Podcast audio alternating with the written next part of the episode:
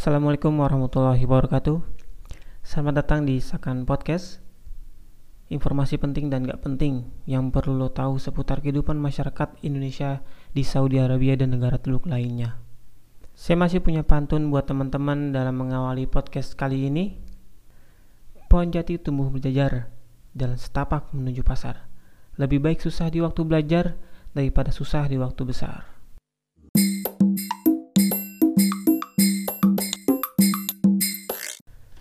Apa kabar teman-teman?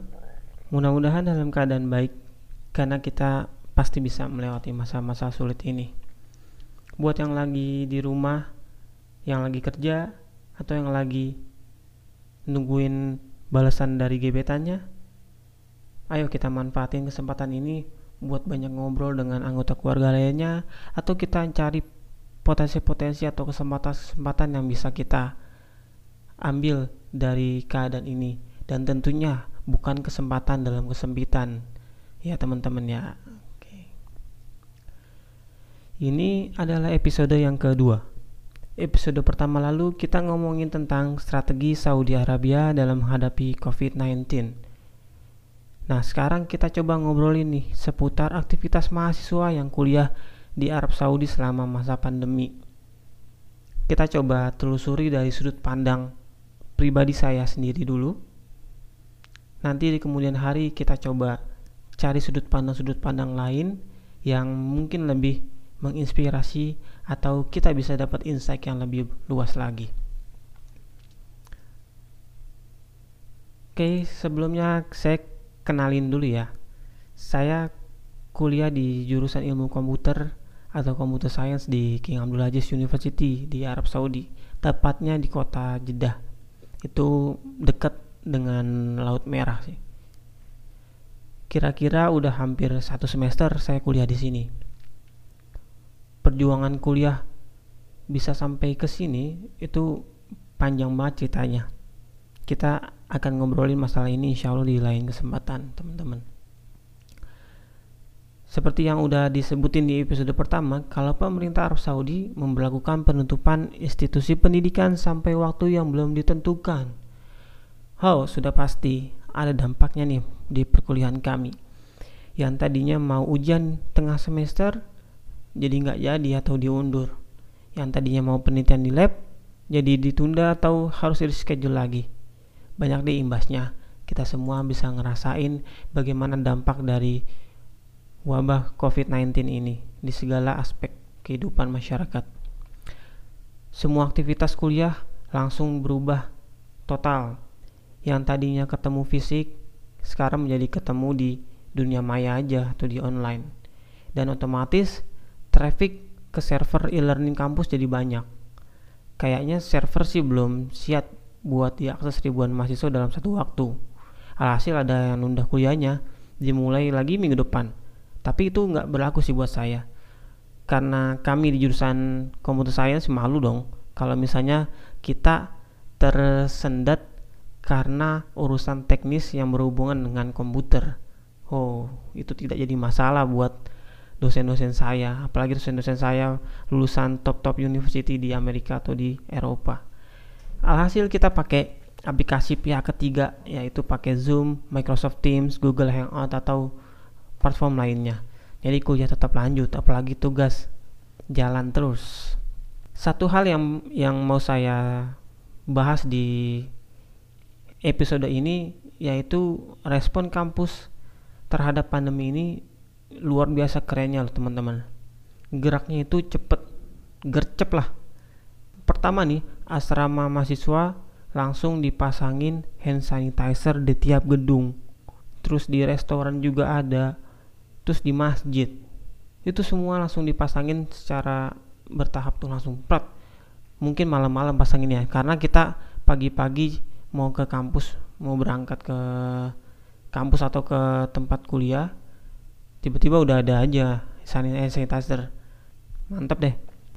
Dan ketika aktivitas perkuliahan secara fisik itu nggak ada kampus tuh nggak diem doang. Kampus langsung ngebersihin seluruh area kampus, seluruh gedung-gedung kampus, mulai dari gedung parkiran, lab, masjid kampus, gedung petinggi-petinggi kampus atau gedung-gedung lainnya deh yang ada di kampus itu semua langsung di disinfektan dan dibersihkan secara menyeluruh karena buat mencegah penyebaran virus COVID-19 yang ada di kampus. Dan karena kita mahasiswa yang berbasis research itu, kita pasti butuh akses ke jurnal-jurnal internasional dong teman-teman. Dan kampus bukan karena wabah ini dan langsung tiba-tiba bikin bikin akses itu, tapi kampus King Abdul Aziz University ini udah udah jauh-jauh hari bikin satu platform di mana semua mahasiswa mau S1, S2, S3 bisa mengakses jurnal-jurnal internasional secara gratis. Jurnal-jurnalnya itu bagus-bagus dan akreditasinya itu antara Q1 sampai Q2, Q3 banyak deh. Jadi kami cukup login di satu aplikasi semuanya udah bisa langsung kayak single sign on gitu. Jadi semuanya terintegrasi dalam satu kali login itu. Kita bisa ngedownload atau ngebaca jurnal-jurnal terbitan Elsevier, Scopus, Science Direct, uh, IEEE, banyak lagi deh. Alhamdulillah itu semua bisa kita nikmatin di kampus ini, kampus yang menurut secara ranking nomor satu di Gulf region atau regional negara-negara teluk kayak Arab, Iran, Mesir atau yang lainnya. Karena kita butuh akses ke jurnal-jurnal itu, biasanya kita nggak perlu akses login kayak tadi ya kan kita pakai login dulu ya. Nah kalau biasanya kita kalau terhubung ke jaringan kampus atau jaringan wifi asrama itu kita nggak perlu pakai login. Udah langsung berubah tuh yang tadinya dikunci jadi free access atau full access. Bagus sih kayaknya menerapkan sistem apa gitu di jaringan kampus ini. Soal waktu nih teman-teman. Waktu di Saudi itu kayaknya cepet banget sih. Nggak tahu ya teman-teman yang lain ya apa cuma saya aja ngerasain ya. Tapi benar waktunya tuh cepet banget apalagi sekarang udah mau memasuki musim panas. Yang notabene waktu siangnya itu lebih lama daripada waktu malam. Biasanya sholat subuh itu jam 4 kemarin tuh pas saya datang pertama kali di sini sholat subuh jam 4an sekarang sholat subuh udah jam 5 lewat. Dan sholat maghrib itu udah hampir jam 7 jam 7 malam. Sholat isya hampir setengah 9 malam. Jadi lebih banyak waktu siang dibanding waktu malam karena perbedaan waktu itu yang bikin kita para mahasiswa itu lebih senang ah bu saya nggak bisa generalisir sih ya. Kalau saya pribadi sih ya lebih senang belajar di kala malam hari dibandingkan siang. Karena siang kan tahu sendiri kondisi cuaca di sini. Suhunya aja mantap. Suhunya itu berkisar antara 29 sampai 31 derajat celcius. Wah mantap tuh. Lumayan panas deh kalau misalnya kita jam 11 jam 11 kita keluar dari kamar wah udah menyengat banget matahari. Kayaknya matahari ada berapa banyak tuh? Walaupun cuma satu sebenarnya. Lebay loh. Ya jadi saya terbiasa ngejain tugas malam-malam. Biasanya saya baru tidur jam 1 atau sampai setengah dua.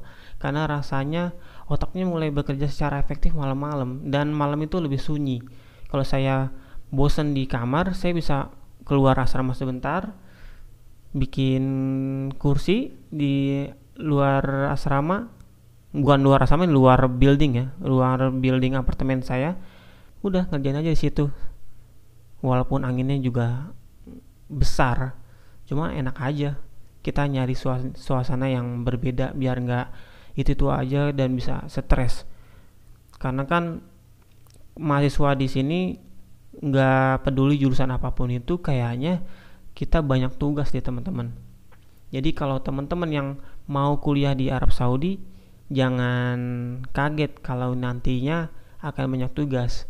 Karena secara historis Arab Saudi itu sangat erat dengan Amerika Serikat dalam dunia pendidikan. Artinya dosen-dosen yang mengajar kami di sini rata-rata lulusan dari Amerika Serikat atau Eropa yang notabene Amerika Serikat itu penuh dengan tugas-tugas ya. Tapi itu tergantung dengan dosennya masing-masing ya. Nggak bisa saya generalisir tapi sebagian besar seperti itu. Tadi kondisi kampus. Sekarang kita coba geser ke kondisi asrama. Kondisi asrama semenjak diberlakukan jam malam atau seistilahnya lockdown. Lockdownnya nggak nggak total sih tapi lockdown secara bertahap ini gimana sih kondisi asramanya? Saya coba uraikan uh, before and afternya. Before beforenya itu pertama pagi-pagi jam 7 pagi mahasiswa sudah sudah jalan cepet nih sudah jalan cepet menuju halte bus jadi kita tuh di sini disidain bus jemputan dari asrama ke kampus. Soalnya kampusnya itu lumayan jauh sekitar 15 menit kalau misalnya naik bus aja. Kalau jalan kaki mungkin setengah jam. Dan kita dikasih fasilitas bus kampus oleh kampus. Nih iyalah sama siapa lagi? Oleh kampus nih dikasih bus kampus jarak waktu keberangkatan antara satu bus dengan bus lainnya itu sekitar 15 menit sampai 30 menit. Tergantung kalau busnya itu udah penuh dengan mahasiswa mungkin langsung langsung jalan. Tapi kalau belum ditunggu dulu sampai 15 sampai 30 menit. Udah tuh jam 7 pagi kita lari-lari lari-lari menuju ke halte bus untuk segera berangkat ke kampus. Karena paling pagi kampus itu mulai kuliah jam 8 pagi. Dan kampus sudah mulai buka aktivitas office-nya jam setengah 8 kalau mau ngurus ini itu atau ngurus administrasi berhubungan dengan beasiswa atau berhubungan dengan uh, housing atau dengan izin tinggal kita tuh setengah 8 udah buka kampus office-nya itu. Tapi kalau kuliah jam 8 sih baru mulai. Kita berlomba biar nggak ketinggalan biar bisa tepat waktu sampai di kampusnya. Itu terasa banget. Rame kehidupan mahasiswa atau kehidupan yang ada di dalam bus itu aktif. Dan sekarang udah nggak ada. Sekarang nggak ada bus yang melayani menuju kampus atau sebaliknya kampus ke asrama. Semua berubah sejak negara api menyerang. Enggak. Sejak corona hadir di antara kita berdua. Oke, itu pagi-paginya dan berubah nih. Tadi pagi-pagi kita berlari menuju ke halte bus. Sekarang sebagian besar karena kita mahasiswa baru yang ada di gedung baru, itu belum gedung baru tuh belum ada wifi. Jadi kita berlari menuju warnet. warnet ini cuma istilah double uh, istilah doang ya, tanda kutip ya. Warnet ini kita istilahkan ke sebuah taman yang ada di depan kampus atau di dekat gerbang kampus eh di sorry gerbang sakan maksud saya di situ ada koneksi internet. Di situ juga ada tempat duduk yang cukup memadai lah untuk memulai perkuliahan online. Nah kita kumpul di situ banyak. Kemudian siang hari ya, biasanya kita langsung setengah setengah dua belas itu masjid sudah ramai teman-teman masjid sudah mulai dipenuhi oleh mahasiswa buat siap-siap untuk sholat zuhur berjamaah. Dan sekarang sudah tidak ada aktivitas itu. Muazin sudah melantunkan solu fi buyutikum. Sholatlah di rumah masing-masing. Oke itu titik sedihnya. Oke stop. Lanjut lagi. Terus abis maghrib, abis maghrib itu biasanya setelah sholat maghrib berjamaah kita ada halako-halako kecil. Halako-halakonya yang sudah saya ceritakan di episode pertama atau belum ya? Saya lupa. Nah, halako-halako kecil itu biasanya diisi dengan muroja-muroja hafalan, hafalan hadis, hafalan Al-Quran. Hafalan hadis ini ada tingkatannya teman-teman. Hafalan hadis yang pertama itu hadis harba'in, yaitu 40 hadis pilihan kemudian setelah hafal hadis arba'in itu lanjut ke level selanjutnya yaitu hafalan hadis kitab Al-Hakim. Terserah mau pilih yang mana. Tapi kalau saya pribadi sayang sekali. Saya belum mengikuti halako tersebut. Rencana sih sebelum Ramadan saya ikut tapi kondisi berbeda. Soalnya saya punya target saya punya timeline biar gimana caranya saya maksimal dalam perkuliahan ini. Oke, nanti kita bahas. Nah, kondisi asrama sebegitu berubahnya. Ya, dan malam hari biasanya itu lapangan tuh nggak pernah sepi teman-teman. Lapangan sepak bola saya maksud. Lapangannya itu pasti deh. Ada kan kita satu lapangan. Satu lapangan itu dibagi jadi tiga tiga bagian. Soalnya tiga per bagian itu kita buat main bola. Soalnya ada gawang ada enam gawang lumayan lah buat tiga tiga bagian kan. Ada tiga pertandingan. Sampai jam satu malam pun masih ada yang bermain. Tapi sekarang lapangan sudah dikunci semua akses sudah digembok semua. Ya kita hanya bisa olahraga. Paling olahraga di kamar atau sekedar lari-lari kecil di sekitar mengelilingi mengelilingi sakan ini gimana makannya? Wah kalau makan kita alhamdulillah sih. Kita punya fasilitas restoran yang mana restoran itu menyediakan pagi siang dan malam buat mahasiswa. Tapi kita harus bayar nggak gratis dengan subsidi harganya. Pagi itu 3 rial siang darinya 7 rial menjadi 10 rial naik. Wah seharusnya sih turun di tengah wabah ini ya. Yang nggak tahu ya kenapa dinaikkan. Kemudian malam harinya itu kita satu rial. Udah dapat ayam besar nasi minuman air putih jus kue sama roti. Mantap cuma satu rial atau empat ribuan kalau sekarang. Oke tadi kondisi asrama teman-teman. Kondisi kehidupan yang kita alami di asrama selama pandemi Terus kalau misalnya saya nggak mau makan di restoran, saya masak sendiri deh. Gimana caranya itu? Kalau kita di sini ada beberapa supermarket yang mengelilingi Sakan. Yang pertama yang terdekat yaitu Bakolah sendiri. Bakolah itu eh, bahasa Indonesia toko ya, toko yang ada di dalam asrama. Toko itu nggak menjual lengkap sih, paling cuma kebutuhan pokok doang kayak beras ada, saus Indofood ada Indomie ada. Ya nggak lengkap tapi ya cukup untuk kebutuhan pokok sehari-hari. Kalau kita mau lebih lengkap kita bisa seberang ke kompleks akan. Itu ada supermarket Nahdi. Di sana lebih lengkap di sana tersedia sayuran buah-buahan alat tulis kantor atau koper sampai koper juga ada. Alat masak kalau elektronik juga ada. Tapi harganya standar nggak nggak murah banget sih. Kalau mau murah kita bisa jalan 10 menit lebih jauh yaitu ke Carrefour. Di Carrefour lebih banyak pilihannya dan harganya tentu lebih murah. Ya namanya juga Carrefour ya. Carrefour di Indonesia aja kayak gitu ya. Kalau Carrefour di Arab Saudi hampir sama lah ada diskonan-diskonan juga walaupun diskonnya nggak murah-murah banget sih tetap murah harga-harga barang di Indonesia. Nah, kalau misalnya kami kangen masakan Indonesia, kita bisa masak sendiri sih. bahan-bahannya itu udah ada di toko Indonesia. Namanya toko Permata. Toko Permata menjual produk-produk Indonesia, tempe, terus ada Royco, ada Masako, ada bakso, ada sayur asem, ada beras, tapi sayangnya bukan beras Indonesia, tapi beras Filip Vietnam.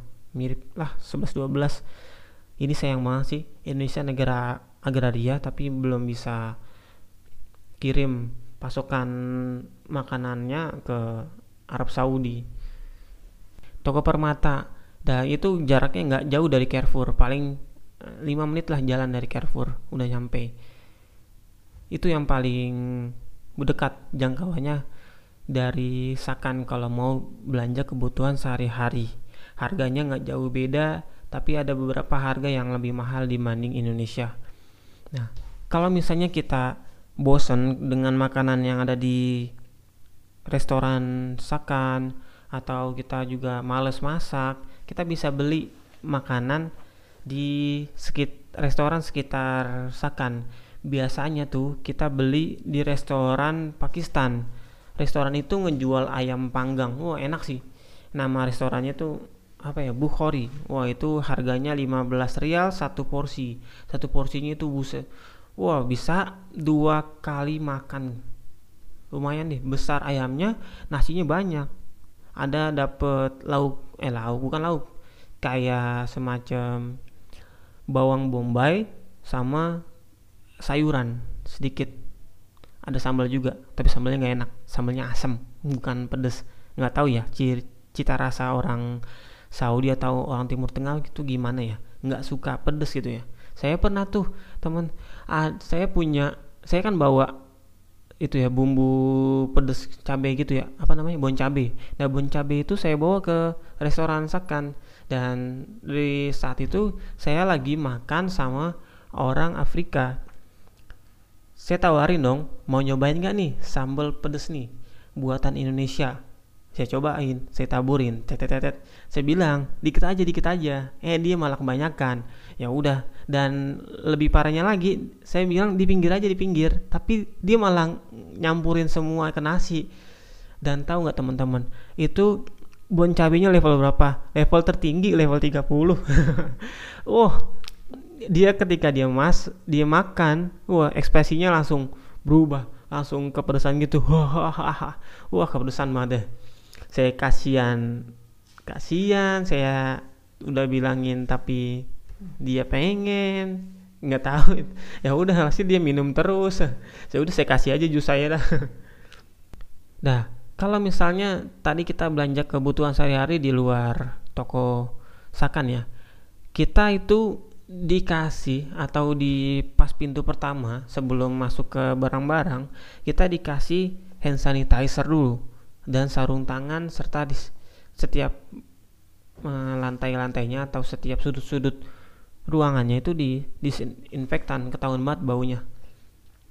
Jadi udah ada proteksi dari pihak perusahaan supermarket itu juga. Soalnya supermarket ialah satu-satunya atau salah satu di antara usaha yang diizinkan oleh pemerintah untuk tetap beroperasi selama pandemi ini.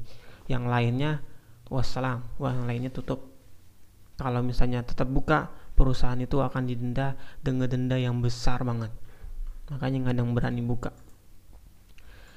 Di samping penutupan toko itu pemerintah Saudi menjamin har kestabilan harga kebutuhan sehari-hari. Jadi nggak ada urusannya harga melonjak naik. Pokoknya harganya stabil. Alhamdulillah sih pemerintah Saudi udah menjamin kehidupan rakyatnya Terus soal transportasi gimana? Transportasi di sini seperti pengumuman yang dikeluarkan oleh kerajaan, semua transportasi umum dihentikan sementara waktu sampai waktu yang belum ditentukan. Jadi kita nggak ada kesempatan buat pergi-pergi ke mana pun yang ada di kota-kota Jeddah ini. Biasanya sih kita pakai taksi buat pergi ke Carrefour atau pergi ke mana-mana tapi sekarang taksi resmi itu udah ditiadakan. Yang ada hanyalah taksi online. Tapi saya juga nggak tahu ya kebenaran ceritanya. Teman saya kemarin sih saya sama teman saya pakai taksi online bisa. Cuman di pengumuman itu disebutkan juga taksi online nggak boleh beroperasi. Tapi ini masih ada taksi online. Nggak tahu deh gimana ceritanya. Soalnya kita nggak nggak bisa ke mana-mana teman-teman kalau misalnya nggak ada transportasi. Hal yang kurang bagus di Saudi ini di sini transportasi umum itu nggak merata alias nggak nggak terlalu dibudayakan ya atau diutamakan ya. Karena budaya masyarakat sini tuh beli mobil. Satu orang satu mobil teman-teman. Ah yang namanya kampus kalau pagi-pagi jam 7 sampai setengah 8 itu udah macet. Macet oleh mobil-mobil si mahasiswa. Dan desain kampus kalau kita lihat dari atas dari, dari citra satelit itu lahan parkir tuh banyak banget tuh. Lahan parkirnya kalau misalnya ya kita punya persentase 100% lahan parkirnya itu bisa 60% 40% tuh gedungnya doang. Bener deh. Di sini tuh diperhatiin banget mobil. Soalnya gimana ya harga mobil murah dan harga minyak. Minyaknya di sini ya bensin murah juga Bahkan sebelum tahun ini, tahun-tahun yang lalu, itu harga bensin murah banget. Satu rial bisa dapat 2 liter katanya. Sekarang satu setengah rial satu liter. Itu pun yang setara Pertamax di Indonesia murah banget kan pantesan nih kalau misalnya tukang taksi banyak yang ilegal yang pakai taksi mobil pribadi dibuat buat taksi dan itu untungnya gede sih lumayan sih itu nantilah saya coba peruntukan itu. Kita beli mobil kita jadiin taksi. Oke. Okay. itu tadi soal transportasi di sini ya udah mewakili ya. Terus kehidupan mahasiswa lainnya itu kita mau berkomunikasi dengan keluarga di Indonesia. Pemerintah Saudi ada beberapa aplikasi yang sengaja diblok oleh mereka. Salah satunya aplikasi perpesanan yang lagi ngetren yaitu WhatsApp. WhatsApp itu diblokir teman-teman. Ads tapi diblokirnya nggak secara keseluruhan. Diblokirnya itu cuman video call dan audio call. Jadi kita nggak bisa telepon-teleponan sama doi. Kita cuma bisa texting aja. Kita cuma bisa ya ngeteks doang. Hmm, kalau misalnya kita mau video call atau voice call kita pakai aplikasi yang lain biasanya teman-teman di sini tuh pakai aplikasi Skype atau Zoom atau pakai Google Duo. Kalau saya sih lebih prefer Google Duo. Itu lebih stabil jaringannya dan gambarnya lebih lebih bagus. Walaupun bergantung juga sama kecepatan koneksi internet. Gimana kalau pakai VPN? Saya udah coba teman-teman. Pakai VPN di sini nggak ngaruh. Entah ya gimana apa ini diblokir dari pusat atau ini udah tingkatan udah router router diblokir kemudian pusat juga diblokir. Wah sulit banget dibobolnya saya udah udah saya coba berbagai macam cara. Saya udah coba nge coba ngerut HP-nya terus udah coba pakai VPN udah pakai VPN yang bayar tapi coba saya crack VPN-nya tetap nggak bisa ya udahlah saya pasrah aja. Google Duo Google Duo deh. Dan bukan hanya itu aja yang diblokir. Kalau kita di jaringan kampus atau jaringan sakan kita diblokir semua akses ke pergaman. Jadi buat lo yang suka main Mobile Legend main uh, apa tuh PUBG atau atau main yang cuman main ular main cacing tuh seliter itu diblokir teman-teman. Kalau mau kita buka aksesnya kita harus pakai jaringan SIM card mobili atau STC atau yang lainnya. Pakai SIM card deh yang bukan jaringan WiFi. Dan teman-teman tahu nggak? Saya baru ngerasain betapa murahnya harga internet di Indonesia. Sumpah di Indonesia tuh murah banget koneksi internet. Bahkan ada yang gratis kan ya jadi saya suka sebel juga sih. Harga internet di Indonesia udah murah tapi masih banyak yang nyari gratisan. Yang cuman mesen ST 5000 tapi nongkrong di kafenya lama banget. Itu pengalaman pribadi sih. Di sini harga internet mahal banget. Harga internetnya untuk 2 giga aja nih sebulan harganya itu 50 rial kalau kita konversiin 50 rial kalau sama kurs sekarang di Indonesia 4000 50 kali 4000 itu berapa? 200 ribu cuma buat 2 giga. Astagfirullahaladzim mahal banget. Makanya kita nyari wifi-an aja deh di sini. Lama-lama digigitin semut nggak masalah deh. Yang penting kuota kita masih bisa stabil masih bisa jalan. Alhasil ya teman-teman mahasiswa banyak yang aktifin paket WhatsApp doang. Soalnya paket WhatsApp cuma 20 rial. 20 rial cuman itu lumayan juga. 20 kali 4 berapa? 80 ribu. Cuma buat whatsappan doang. Unlimited.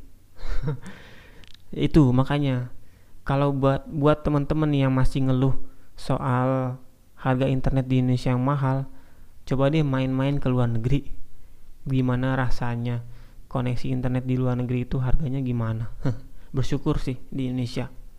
Oke tadi ya bahas gimana caranya saya tetap stay connected with my families. Kita ada aplikasi video call tapi kita nggak bisa pakai WhatsApp. kita bisa pakai opsi lainnya. Oke itu aja sih aktivitas yang kita lakuin selama di asrama selama waktu karantina ini memang kita rasanya bosan sih teman-teman. Kalau misalnya ada di kamar terus atau ada di komplek asrama terus yang biasanya kita ada aktivitas keluar misalnya kami teman-teman Indonesia ada pengajian rutin setiap hari Jumat pagi di daerah Jaliat itu kita rutin pengajian. Sekarang pengajiannya berubah ke online. Yang tadinya saya biasanya subuh sholat langsung mandi sekarang subuh nunggu kuliah dulu baru mandi. Jadi gimana ya? Jadi ada penurunan atau degradasi motivasi nih. Asik degradasi motivasi. Tapi bener nyata itu adanya teman-teman. Dan kasur itu begitu tinggi magnetnya teman-teman. Kalau orang yang nggak punya niatan yang kuat atau nggak punya motivasi tinggi pasti akan mengalami dampak yang sangat besar terhadap situasi karantina ini. Mudah-mudahan saya dan teman-teman lainnya di sini bisa menghadapi karantina ini karena ini sungguh berat bagi kami. Bukan kami aja sih pasti teman-teman juga ngerasain kan betapa beratnya masa-masa sulit ini Bismillahirrahmanirrahim. Semoga Allah segera menstabilkan kondisi dunia ini. Semoga apa yang kita doakan dikabulkan karena penyakit itu berasal dari Allah. Allah juga lah yang akan menurunkan obatnya. Allah juga lah yang akan membukakan kesempatan kepada kita untuk sebanyak-banyaknya bertaubat.